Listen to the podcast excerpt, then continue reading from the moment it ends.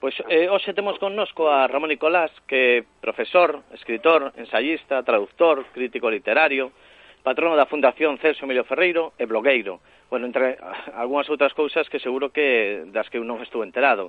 É unha persoa que ten recibido numerosos premios en diferentes eidos, dos que, bueno, vou, vou descatar eh, un par deles, no? como pode ser o Premio Asociación de Escritos Lingua Galega, mellor trayectoria en xornalismo cultural no 2011, o Premio Lois mellor traducción, eh, no 2011 tamén, eh, por 30 gramos, no, de Leonel Moura, o Premio Francia Literaria, o mellor vídeo literario, 2008, 9, 10, 11, o Premio Antón Losada Diegue de ensayo no 2013 por Onde o Mundo se chama Celso Emilio Ferreiro, eh, o Premio de Asociación de Escrito de Lingua Galega ao mellor blog eh, literario eh, 2014 por o Caderno da Crítica, e eh, o último, que ha entrado na lista de honra do IBI eh, 2015-2016, pois pues, a traducción de Bisabé a Bisabel de Ana María Machado.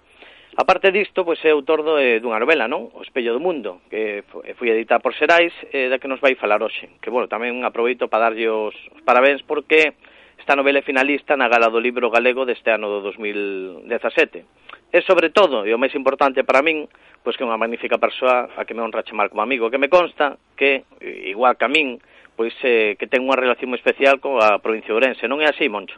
Ola, bo, eh, boas tardes, pois efectivamente así é, eh. bueno, antes que nada eh, agradecerche esa longa e eh, prolixa informadísima eh, introducción.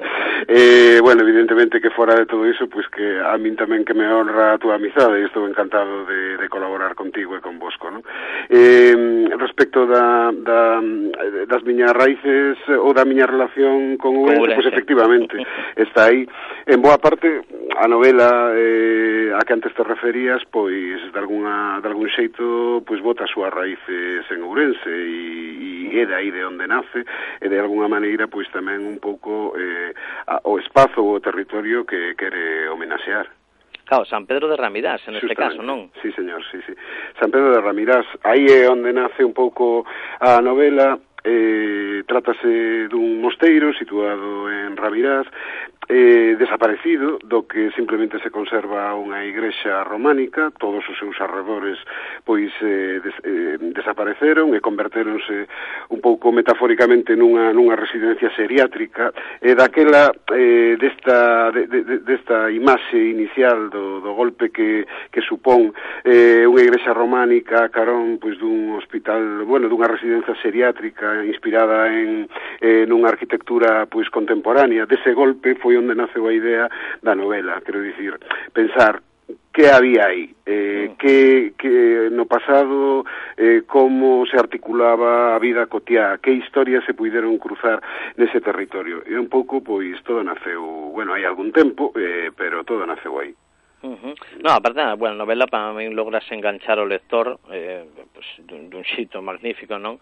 Nos falas do cenobio feminino, non? Sí. San Pedro Ramirás e o misturas sí, sí. Pues, eh, con esas secuencias no mundo actual, actual. non? Que aparece ese, ese seriátrico, bueno, non sei sí. se ese bon sí. ficticio, non? Sí, sí. Eh, eh, cos personaxes neste caso pues, de, de Martiño, de, de Tía, de Hermías, sí. non? Estas conversas non? Que, que van metendo sí. tamén en forma de, de misiva entre a abadesa sí. Legarda sí. e a una Guiomar. no Guiomar.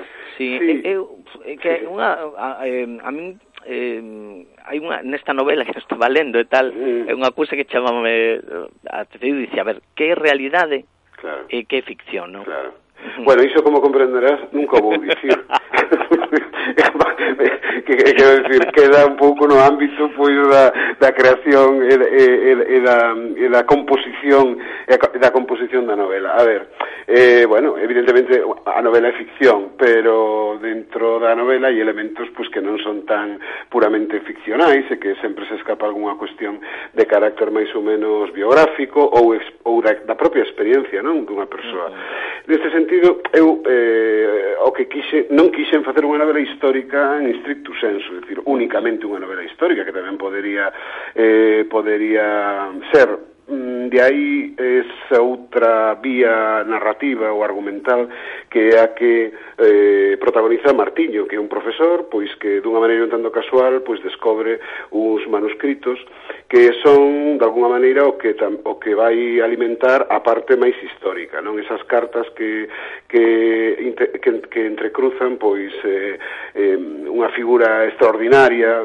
Eu agradezo moito poder, mm, cando fixen o libro, para determe e investigar investigar sobre Hildegarda von Bingen, que é unha, unha abadesa alemá eh, cun perfil absolutamente contemporáneo e unha auténtica adiantada no seu tempo en moitos en moitos eh, ámbitos. E por outro lado pois a Ona Guiomar que sí, Ona Guiomar se que pode decir é un elemento de ficción, pero é un elemento de ficción que está construído a través do que deberon de ser esas monxas dese cenobio ourensán cando menos representada nunha que actúa como, como ona, que a denominación que recibían só naquel lugar as abadesas, e que establece unha relación epistolar eh, con Hildegarda. E é a partir de aí onde pois se van desvelando algúns elementos propios da vida cotía tanto do cenobio eh, ourensán como da vida eh, monacal eh, da propia Hildegarda von Bingen en Alemania, no? en Heidelberg. Sí, sí, da estructura aparte que había naquel tempo incluso sí, sí. social e... Eh... Sí eh, eh as misivas entonces no, non tes ninguna misiva de Hildegarda.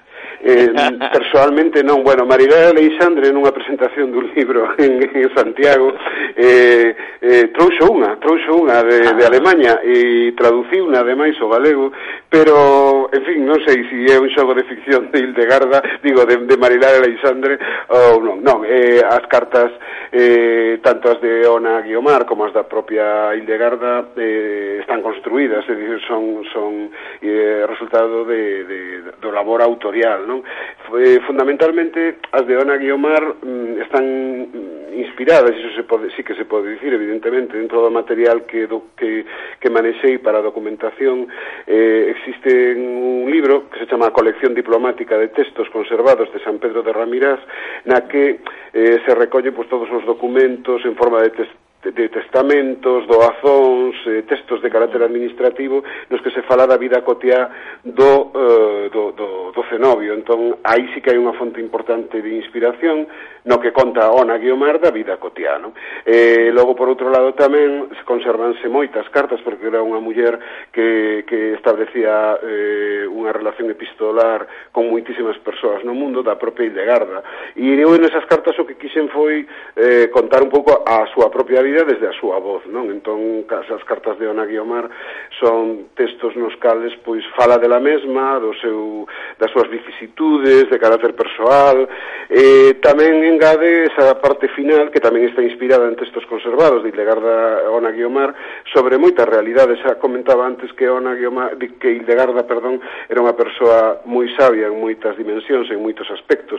Era, bueno, foi eh, eh fixo avances importantísimos no ámbito pois da protomedicina, se se pode falar, ou incluso da protobioloxía, nos saberes eh, populares da maneira de curar as doenzas, as enfermidades. E todas esas cousas son as que ao final das cartas que lle envía a Ana Guiomar, pois lle vai confesando, non? Che, que a mí chamou moitísimo a atención as referencias a ese coñecemento. Sí, sí, que, bueno, sí. eu, eu casi podo dicir precristiano, non? Casi sí, do... sí, sí. Hai moitos saberes aí que, que, que pare a pensar que veñen dunha persoa extraordinariamente vinculada coa igrexa eh, católica daquel momento, non? Pois pode chamarlle a atención, pero eh, Hildegarda facía seus todos eses eh, remedios que eran de carácter popular e evidentemente precristián, non? Eso está clarísimo. Sí, sí, e ela asúmeos, non? Como válidos, que era o importante, non? Naquela sí. época. Sí, referencias sí. ás descripción de plantas, Justamente. animais, sí, todo sí, iso. Sí, plantas, que, animais... Que, que, bueno, son certas, non? Me refiro, sí, sí, sí, sí, sí, son, que... son, efectivamente, eso está inspirado no mundo de Hildegarda von Bingen, en as, eh, porque, bueno, foi a máis de todo isto unha muller que escribiu moitísimo, moitísimos tratados de, de bueno, de medicina, entre comiñas, non? É dicir, da arte de curar, tratados de referidos aos animais, tratados referidos a, a, a as plantas, as súas propiedades, as árbores, eh, bueno, a moitas realidades que de alguma maneira pues, quixen tamén eh, resumir, eh, resumir asumir, porque, bueno, Vildegarda merecería eh, eh, unha novela eh, por, de seu, non? Pola, pola importancia que ten no, no seu momento, e é destas mulleres que tamén eu quixen reivindicar xunto coa figura de Ona Guiomar, eh, que é inexistente, pero que de alguna maneira simboliza todas esas mulleres do, do cenobio, toda esa tradición eh, feminina eh, monacal, pois quixen reivindicar porque son figuras que están lamentablemente borradas da historia ou das que se sabe moi pouco, non? Na, aparte non, eran mulleres, claro. E Xustamente, claro que mm. sí. Sí, sí, eran, eran, eran mulleres. No, pois pues, eh, eu, bueno, os, os falas de novo porque en realidade eh, sí. con, con esa cando lías misivas uh eh, a, a min ent, eh, entrábame a dúbida, non? Eu dicía, pero estas misivas son reais, non? A, a, o asumir a propia voz de, de, de Garda neste caso, non? Na, na túa voz sí. eh, ou non, porque no, o sea... Claro, logo eh, bueno, como lector logo buscabas, ¿no? Eh, claro. Eh, sempre o que fase é buscar información, sí, sí, ¿no? buscas sí, sí, información sobre de Garda, sí, sí. informarte de quen era e tal, sí, sí, sí, e en realidad veías, pues, ti nas mesmas misivas fa, ves como ela vai falando do, do, do seu traballo, non? Do traballo que está... Xusto que está a desenvolver, sí, sí, eh, a través das cartas de Hildegarda, xa che digo, a intención foi sobre todo realizar pois pues, unha sorte como de eh, autobiografía por parte da, da autora, do que mm. foi a súa vida, do que foron os seus pasos dun convento convento a outro, dos problemas que ela tivo coa, coa xerarquías eclesiásticas do momento. Entón, eh, explicarlle a outra colega, poñamos entre comiñas, de, de profesión e de intereses, como, como ia evolucionando a súa vida ao longo de determinados anos para, eh, de alguna maneira, ela tamén eh, que esta Ona Guiomar obtivese información sobre alguén que non en toda medida, pero que sí mm, tiña responsabilidades de organización dun convento, ¿no? E tamén de transmitirlle, claro, é eh, pois unha serie de información e, e evidentemente unha serie de valores, ¿no? Uh -huh. e, ca, e cando un, un leva así tempo como leva Bastino no, que sí. na crítica, no ensayo, sí. incluso na edición, non? Sí, sí, eh, sí. Non atopaches certa, non sei, resistencia ou, ou sí. sorpresa, non? Sí. No medio respecto pois, ao teu debut como escritor de, de novelas. Sí. O sea, eso, eh, isto que che dixera Moncho. Pero isto é unha novela. bueno, sí, eu, a ver, eh, mm, Eu pregunto a, a porque sufrí non carne propia, eh? O sea, xa, refiro xa, xa, a tendencia da, das persoas a... Sí, en encasillar, sabes? en sí. a, a alguén... Eh, Pois sí. nun labor que ademais, bueno, meu caso, levo case 30 anos facendo sobre todo crítica literaria e ensaio, pois claro, non deixa de sorprender, evidentemente. Eh, teño atopado, pois sí, ou sentido comentarios, bueno, fula, eh, mira Nicolás que se meteu eh, de no, a novelista, non? A novelista, a novelista ben. De, de todos os modos, a ver, eh, na, non me gusta falar tampouco da miña trayectoria de carácter eh, eh, de, de, de carácter literario, pero na realidad universidade, eu cando ao acabar a facultade e, e incluso na facultade de filoloxía en Compostela eh, os primeiros traballos que fixen de carácter creativo foron relatos, e ademais foron relatos que eh, tiveron éxito en algúns concursos, pero logo mm, non sei aínda moi ben porque eh, as circunstancias da vida levaronme polo ámbito da crítica. Eh, durante moitos anos sí non escribín eh, creación, pero eh, realmente o traballo do ensaio, incluso da interpretación de, de de crítica de textos, implica eh, utilizar unhas ferramentas que son semellantes ás da creación, se si queres, novelesca ou de ficción.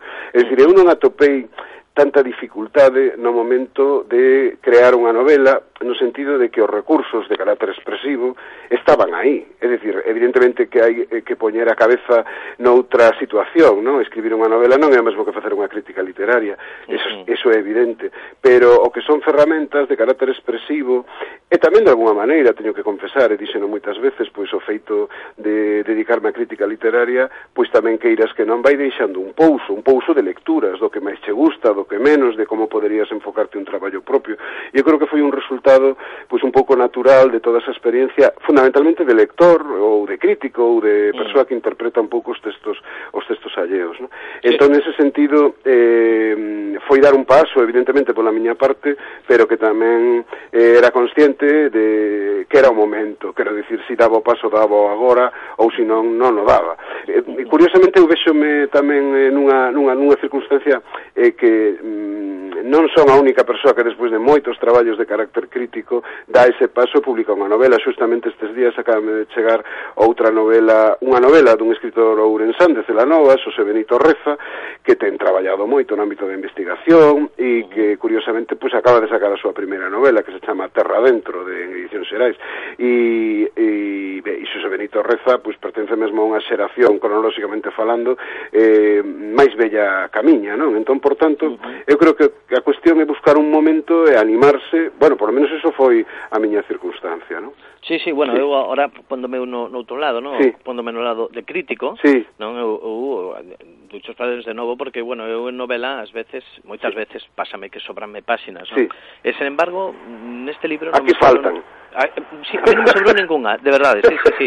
Incluso que, diste... Disculpe, que moitas persoas teñen dito, bueno, é que quedei con ganas de máis. Sí, para, sí, sí, sí. Para mí, para mí é casi o mellor que se pode dicir, quero dicir que se alguén que leu unha novela e que di que queda con ganas de máis, é que o que leu polo menos lle agradou e desexaría seguir. Con todo incluso vin eh, ou vin, ou comentarios que me chegaron de persoas dicíndome, bueno, é que prepara xa unha segunda parte. e, e non, realmente eh, o, o, o que é o, o concepto da novela é, e, e, e o que eu quería comentar está aí, non creo que vai haber eh, segunda parte, pero efectivamente sí que coincido contigo en que nesa apreciación, non? Que hai pois moitos lectores que sinalaron que lles gustaría saber algo máis, non? Eu de todos modos considerei que para o que quería contar eh, eu por veces son bastante parco in, na palabra, ainda que pareza que non, pois que, que, que aí debía de quedar, non? Sí, ah, bueno, a mí, a mí me sucede o mesmo, eh, uh -huh. uso eficiente da palabra. E de feito, eu falo moito cos rapaces e digolle que, que para que para escribir eh, eh é fundamental, no, é ler. Xusto. Ti, ti estabas moi adestrado. Claro, bueno, comentei iso antes, efectivamente, sí, sí, ese adestramento eh, diario durante tantos anos, pois, pues, bueno, mm. eh, dunha ou doutra maneira, pois, pues, de, deixa un pouso, non? Sí. E o pouso, pois, pues, eu creo que o que, o que de algún xeito, pois, eh, a mellor inconscientemente, pero a mellor algo hai, pois, de, dese de pouso... Pero estaba aí. Hai, aí na, está aí claro. na novela. Eh, eu, eu, claro, teño eh, unha pregunta xa imos rebatando, pero para cando poesía, entón? bueno, ese, ese é un xénero que lle teño xa, eh, que lle teño moitísimo respeto, moito respeto. Eh, non, non é algo que eu teña eh, orientado ni, ni nas miñas preferencias ou nas miñas perspectivas inmediatas, non? Eu síntome moi cómodo realmente tanto no ámbito da crítica, do ensaio, que tamén sempre dixen que eu creo que é creación, facer un ensaio bo eh, ou ben escrito e que, e que, e que sexa fluido, non é doado, e ese é un exercicio que eu creo que tamén me axudou a encarar o, o encarar a redacción da propia novela, non? Sí, no, e a novela, na novela sentinme, pois, pues, tal vez este a mal dicilo, pero gocei moito no momento de mm. escribila, no momento tamén de documentarme.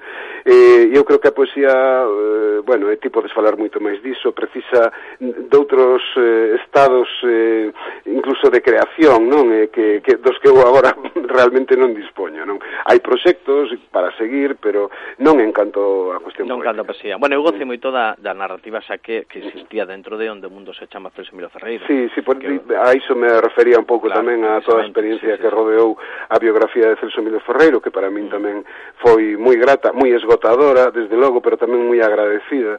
Inda mesmo esta semana estive nun instituto falando de Celso Emilio Ferreiro, despois sí. de casi sete, cinco anos da publicación da biografía, e entón é algo que, que a min me resultou moi satisfactorio, porque me, porque me decato, non é que non o soubera, pero decatome que a figura de Celso Emilio é unha figura de valor eh, universal é atemporal, é dicir que eh, foi hai cinco anos cando se celebrou o seu nacemento, pero que eh, día a día sigue despertando interese, e sobre todo en lectores novos, que é unha cousa sí, sí, que, sí, sí, sí. que a min me agrada moitísimo, porque é onde está o futuro. Sí, sí, sí, sí. Claro. aparte é unha linguaxe que entendes todo. Exactamente. Sí, sí, sí. Pois pues sí, sí, pues sí. é que un espello do mundo, cando lín o espello do mundo, sí. a min parece un título moi poético. Sí. Por eso dicía que algo de poesía. Eu, eu, eu, sí, sí, eh. sin dúbida. o espello do mundo porque de alguma maneira o que queda é reflectir un, un mundo moi concreto que é o de Celanova, que é o de que é o das terras de Celanova, que é o de Ramirás, pero que tamén é un mundo que é un mundo medieval, non? Entón, é un mundo medieval que estamos afeitos a, a ver ás veces pois como un universo únicamente cheo de tebras e de escuridade e nel hai moito máis. Bueno, primeiramente hai seres humanos moi parecidos a nós, como, como é eh, no noso tempo, non? Pero logo despois tamén con, con, con eh, eh, co, eh, co, eh, co, cos problemas do día a día non que tiñan eh, que, que toda condición humana sempre ten que afrontar. Mm. Pois bueno, eh, xa saindo eh, sí. eh, a colación con os artigos que, bueno, lin hai pouco, non publicados por Manuel Bragado, tamén por Ballesteros, sí. sobre o tema da, da baixada na edición en sí. galego, eh, aproveitando sí. que te temos aquí connosco, sí. pois pues, cal é a túa análise sobre esta situación, non? sobre o tema da edición en galego? E... No, a, mi, a miña análise que, bueno, é si é evidente que estatísticamente hai menos lectores en galego, creo que a relación directa, búsquese mm. dunha ou doutra maneira, está na lingua É dicir, é básico, eu son profesor, eu traballo día a día con adolescentes e eu decátome que de hai uns anos para co o número de adolescentes galegofalantes vai diminuindo dunha maneira ostensible e eu diría que case alarmante. alarmante. Entón daquela, se non se lle mete man, se non se hai unha non se aplican políticas de discriminación positiva cara á propia lingua, eu creo que eh, o número de lectores e de lectoras vai a ir en diminución. Eu creo que é que non hai outra posible lectura, porque eh, senón de alguna maneira estamos eh, convertendo todo isto pois nunha, nunha, nunha pescada que se está mordendo a cola, non? Eu creo mm. que eh, a aplicación de, de, de elementos de carácter que promovan o uso da lingua e o seu, a, o seu emprego, sobre todo nos máis novos, é o único que pode asegurar un pouco o futuro. Mm, que estamos de acordo, que pasa que eh, mm. teño que preguntarcho porque a ver se a base de repetirlo. O sea... sí, sí, sí, sí, a ver si sí, efectivamente sí. tens toda razón. Eso se te colle, sí, sí. vai ser condenciando. Bueno, a xente non, quen ten que... Que ten que tomar determinacións que e quen pode tomar decisións ao respecto, así que non claro. somos nin ti nin eu, lamentablemente, no. sí. Pois pues nada, eh, última pregunta, sí. eh, que como xe non xa pode facer Iván, porque ah. non, non lle deixo, bucha facer eu, ah. eh, por que que lle dirías a unha persoa por que ten que ler eh, este libro? Por que ten que ler O Espello do Mundo, de Ramón Nicolás? Bueno, a, a ver, eu non obrigaría nunca a ninguén a ler O Espello eh, do Mundo. Eh, eh, Partam. Partamos de que, me, de que me parece un pouco violento decirle a alguén tens que ler este libro. Agora ben, entendo que ben que a, pre, que a pregunta se fai nunha clave positiva, non? Eh, decir, no eh, sentido da, de... Mm, eh, date eh, argumentos. Eh, como? Date argumentos. Sí, bueno, pues, o, eh, o Espello do Mundo, eh, si esa persoa desexa lela, fundamentalmente, pues, pois porque eh, fala dun territorio moi concreto que xustamente San Pedro de Ramirás e fala dun tempo do que pouco se sabe que é a época medieval hai un proceso de investigación por parte dun, dun, dun personaxe que é contemporáneo e que pode resultar atractivo pois para pasar dúas ou tres horas e se cadra apre, eh, aprender algo ou, ou coñecer, non aprender, sino coñecer algo pois do noso pasado, non? que un pouco foi tamén a miña intención nah, do, do, como lector eh, dou fe de, de todo iso e máis. Bueno, Nada, a, agradecerte moitísimo tamén o feito de que estiveras o, connosco hoxe. O prazer foi meu, eh, encantado e xa sabedes onde estou ao teu dispor e ao voso dispor. Por, Nada, por, é sempre por, un placer. E desexarte sorte, o sea que bueno, xe sei que ibas estar no salón de plenos de Pontareas, non? Sí, sí, nun segundo, nuns minutiños si sí, marcharei para lá para Pontareas que temos eh, eh, pois un acto, non é presentación realmente, é un, uh -huh. un faladoiro alrededor do, do espello do mundo, cousa que tamén me resulta moi grato ah, porque a novela vai xa para prácticamente un ano que está editada e que te chamen de sitios para falar dela, pois sempre moi gratificante, non? Pois pues nada, un placer enorme, bueno, Moncho, o eh, e seguimos véndonos polos camiños. Ah, exactamente, o mesmo, vale. Miguel Ángel, unha aperta moi forte, moitas grazas a ti a vos. Fonda aperta. Veña, pues, viña, logo. Quen queira saber máis de, de Ramón Nicolás, pois, pues, bueno, pode ir a, a súa web, http, eh, dos puntos, doble barra, tres Eh, bueno, aí poder atopar eh, información de, deste e de outros traballos pues, de, de Ramón Nicolás. Eh, un placer enorme telo eh, poder falar con el. Eh, unha aperta a Iván, a Carlos e a todos os compañeros de Malaparte. parte.